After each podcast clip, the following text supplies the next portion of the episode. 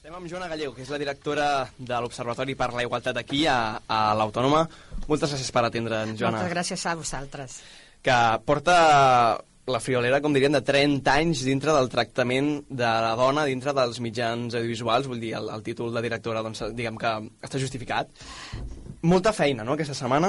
Doncs sí, francament he estat molt agitada perquè havíem de preparar l'acte institucional, que era l'acte central d'ahir al rectorat, i la veritat és que ha portat molta feina. I també una mica els altres que s'han fet per aquí a l'Autònoma de diferents col·lectius, i xerrades, a tallers, en fi, que s'han fet pro projecció de pel·lícules... En fi, Sí, hi ha hagut mm, resposta de, de, de la gent, hi ha hagut participació en, en tots aquests Sí, debats sí, sí, i- sí, sí. Jo crec que hi ha com una revifalla del, del tema. Jo crec que la gent s'està donant que estem en un moment una mica d'involució, en depèn de quins temes. Estem en involució? Jo crec que sí, jo crec que sí. Jo crec que hi ha uh, com una recança cap als mm, drets de les dones i que crec que hi ha com una, com una tornada enrere. Sí. I això les noies joves, les noies d'ara, uh, s'estan adonant. Quins són els símptomes d'aquesta tornada enrere, com dius tu? Doncs que jo crec, per exemple, la bretxa salarial és un tema que es continua em, pendent. Eh, la violència està creixent, fins i tot entre les generacions més joves. Um, els mitjans de comunicació continuen donant una imatge molt estereotipada.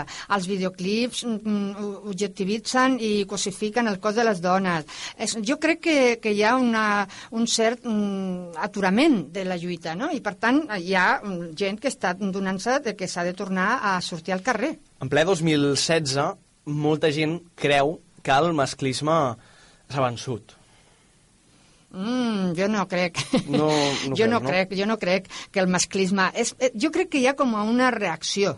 És a dir, els drets de les dones i el fet de que hi hagi avenços que n'hi han, jo crec que és, es veu com una certa amenaça per part de certs col·lectius o, o homes individualment considerats. I, per tant, jo crec que hi ha com, una, com un rearmament, que es diu, no? com s'està rearmant, s'està com, com, com reaccionant davant d'aquesta eh, evolució de les dones, mm. doncs jo crec que hi ha com una evolució per part de molts homes. Creus que hi ha una mm, diferència generacional entre la gent més gran i la gent més jove en, en aquest aspecte, en l'aspecte del, del feminisme?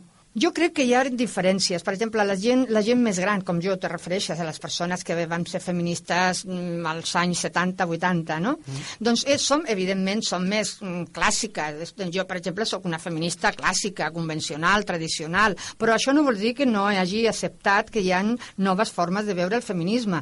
I, per tant, un feminisme més actual, un feminisme més modern, un feminisme que incorpora, per exemple, coses que en aquell moment no hi havia, per exemple, la teoria queer o el, les discussions sobre el gènere, sobre la Què és transexualitat... la teoria...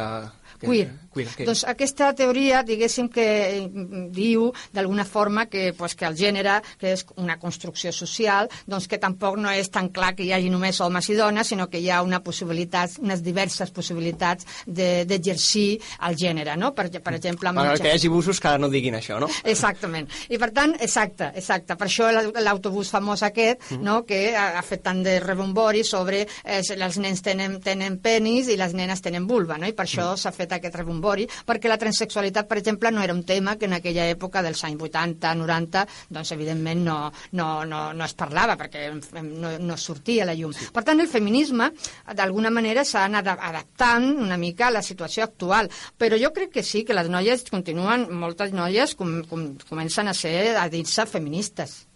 I això abans era més aviat un tabú? Eh, Jo crec que pensaven, pen, pensaven, pensaven que estava superat. Sigui, el, el feminisme, les feministes eren com a, a aquestes dones que protesten, De quin període estem parlant? Del, vuit- del 70-80. 70-80. 70-80 i fins i tot 90. No? En el 90 comença a baixar una mica l'acció al carrer, perquè s'institucionalitza, perquè surten als instituts de la mujer... Com creus que està ara mateix la situació al, al carrer del, del feminisme? Doncs això és que et dic, jo crec que s'està tornant, està tornant la lluita al carrer, perquè durant alguns anys es va haver com apaciguada, no? perquè d'alguna manera les polítiques, el, els parlaments, els instituts catalans de la dona, l'Institut de la Mujer de Madrid, doncs van fer una mica recollir les reivindicacions que estaven al carrer. I per tant el feminisme va quedar una mica amorteït, no? va quedar una mica mm, Ara el parat. feminisme està molt present. Per això, per Molt. això. Jo crec que, que ha tornat a parlar-se de feminisme. I per això precisament hi ha aquesta contrarreacció, no? Perquè com que eh, mm, les dones tornen a sortir al carrer i, i tornen a, a reivindicar i tornen a, re, a reclamar en drets que pensàvem que ja estaven mm. assumits i que ja estaven assolits, doncs clar, això crea com una mena d'amenaça eh, per, per Exacte. molts homes. Què li diries a un home que se sent atacat quan veu eh, dones reclamant el, el seu dret?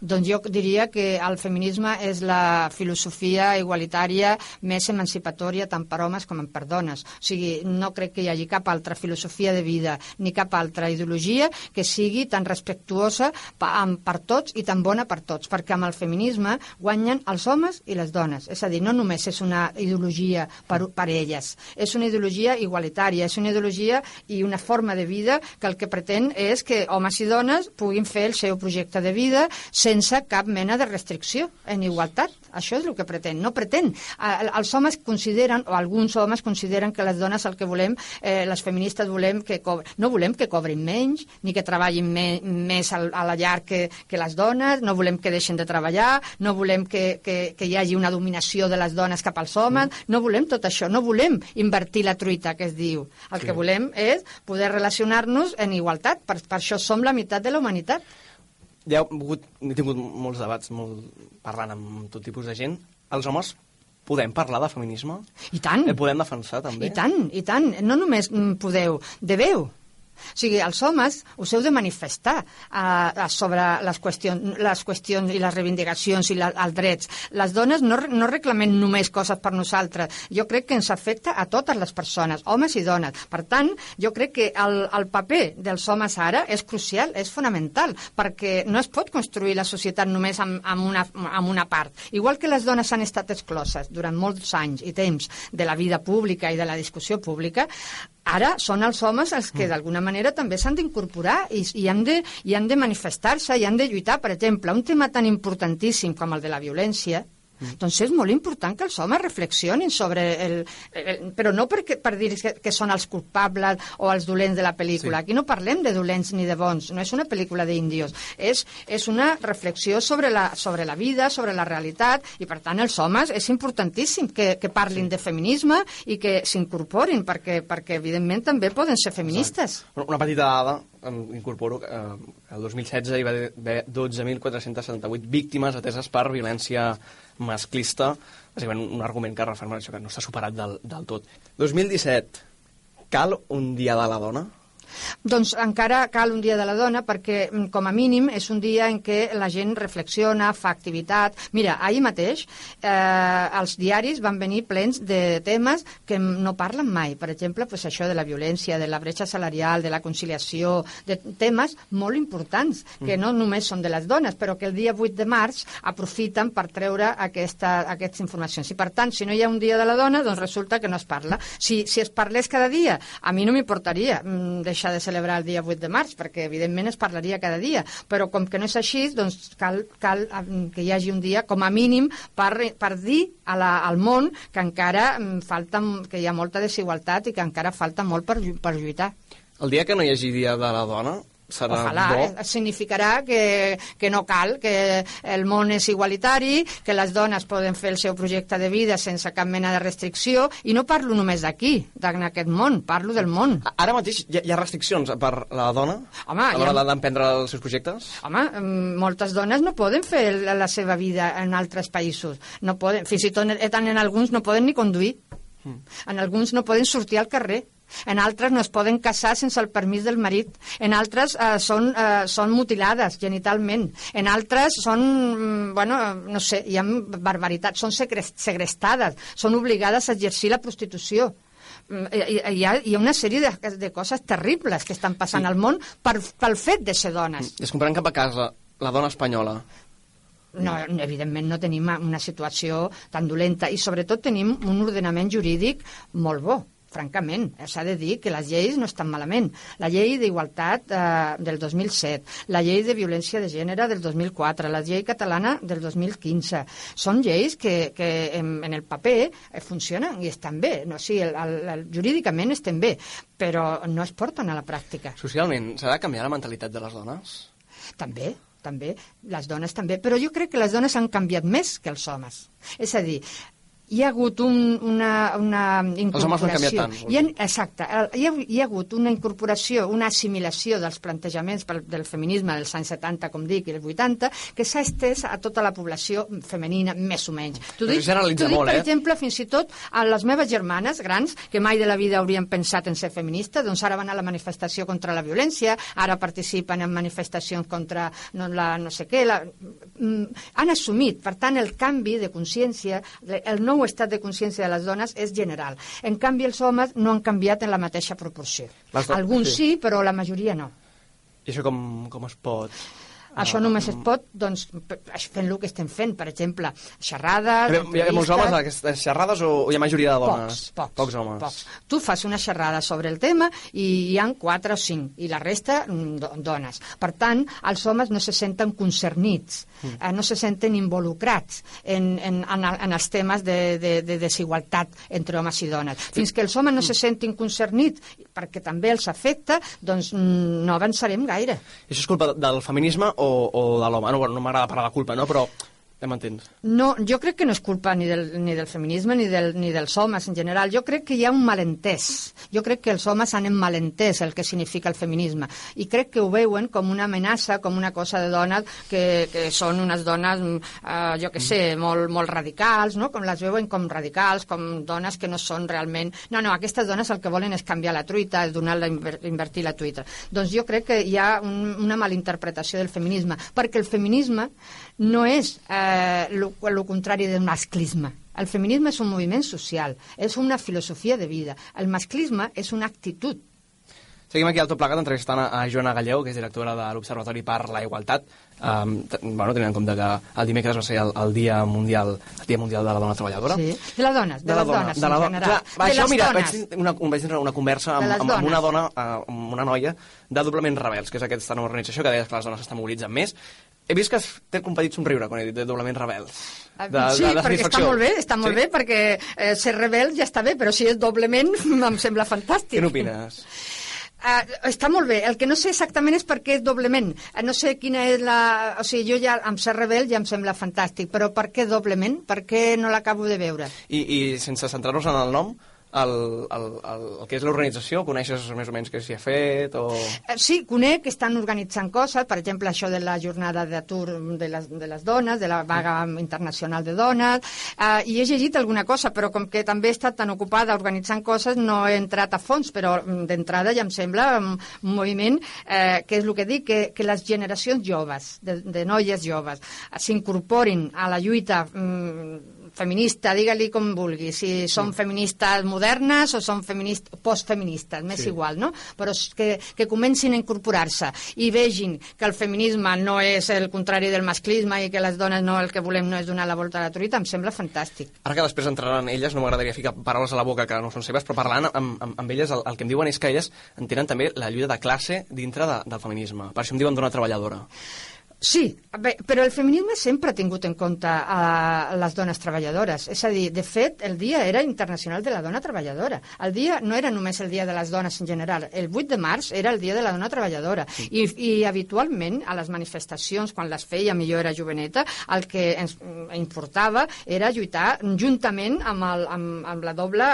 Potser per això diuen doblement rebels, perquè són treballadores i també, o estudiants i també dones, no? Però jo crec que el feminisme ja lo incorpora. O sigui, aquest feminisme burgès que es pensen que són de dones mm, de classe alta són les, men les menys. O sigui, la, el feminisme està a colze a colze amb, amb les les classes, classes amb populars, les classes diguem, no? Les populars. altes no. Exactament, amb les classes populars. Ara, segurament, després d'aquesta entrevista, si les escoltes, eh, ja, només en 30 minuts ja podràs veure una mica de, de què van i, i et convido a que les escoltis.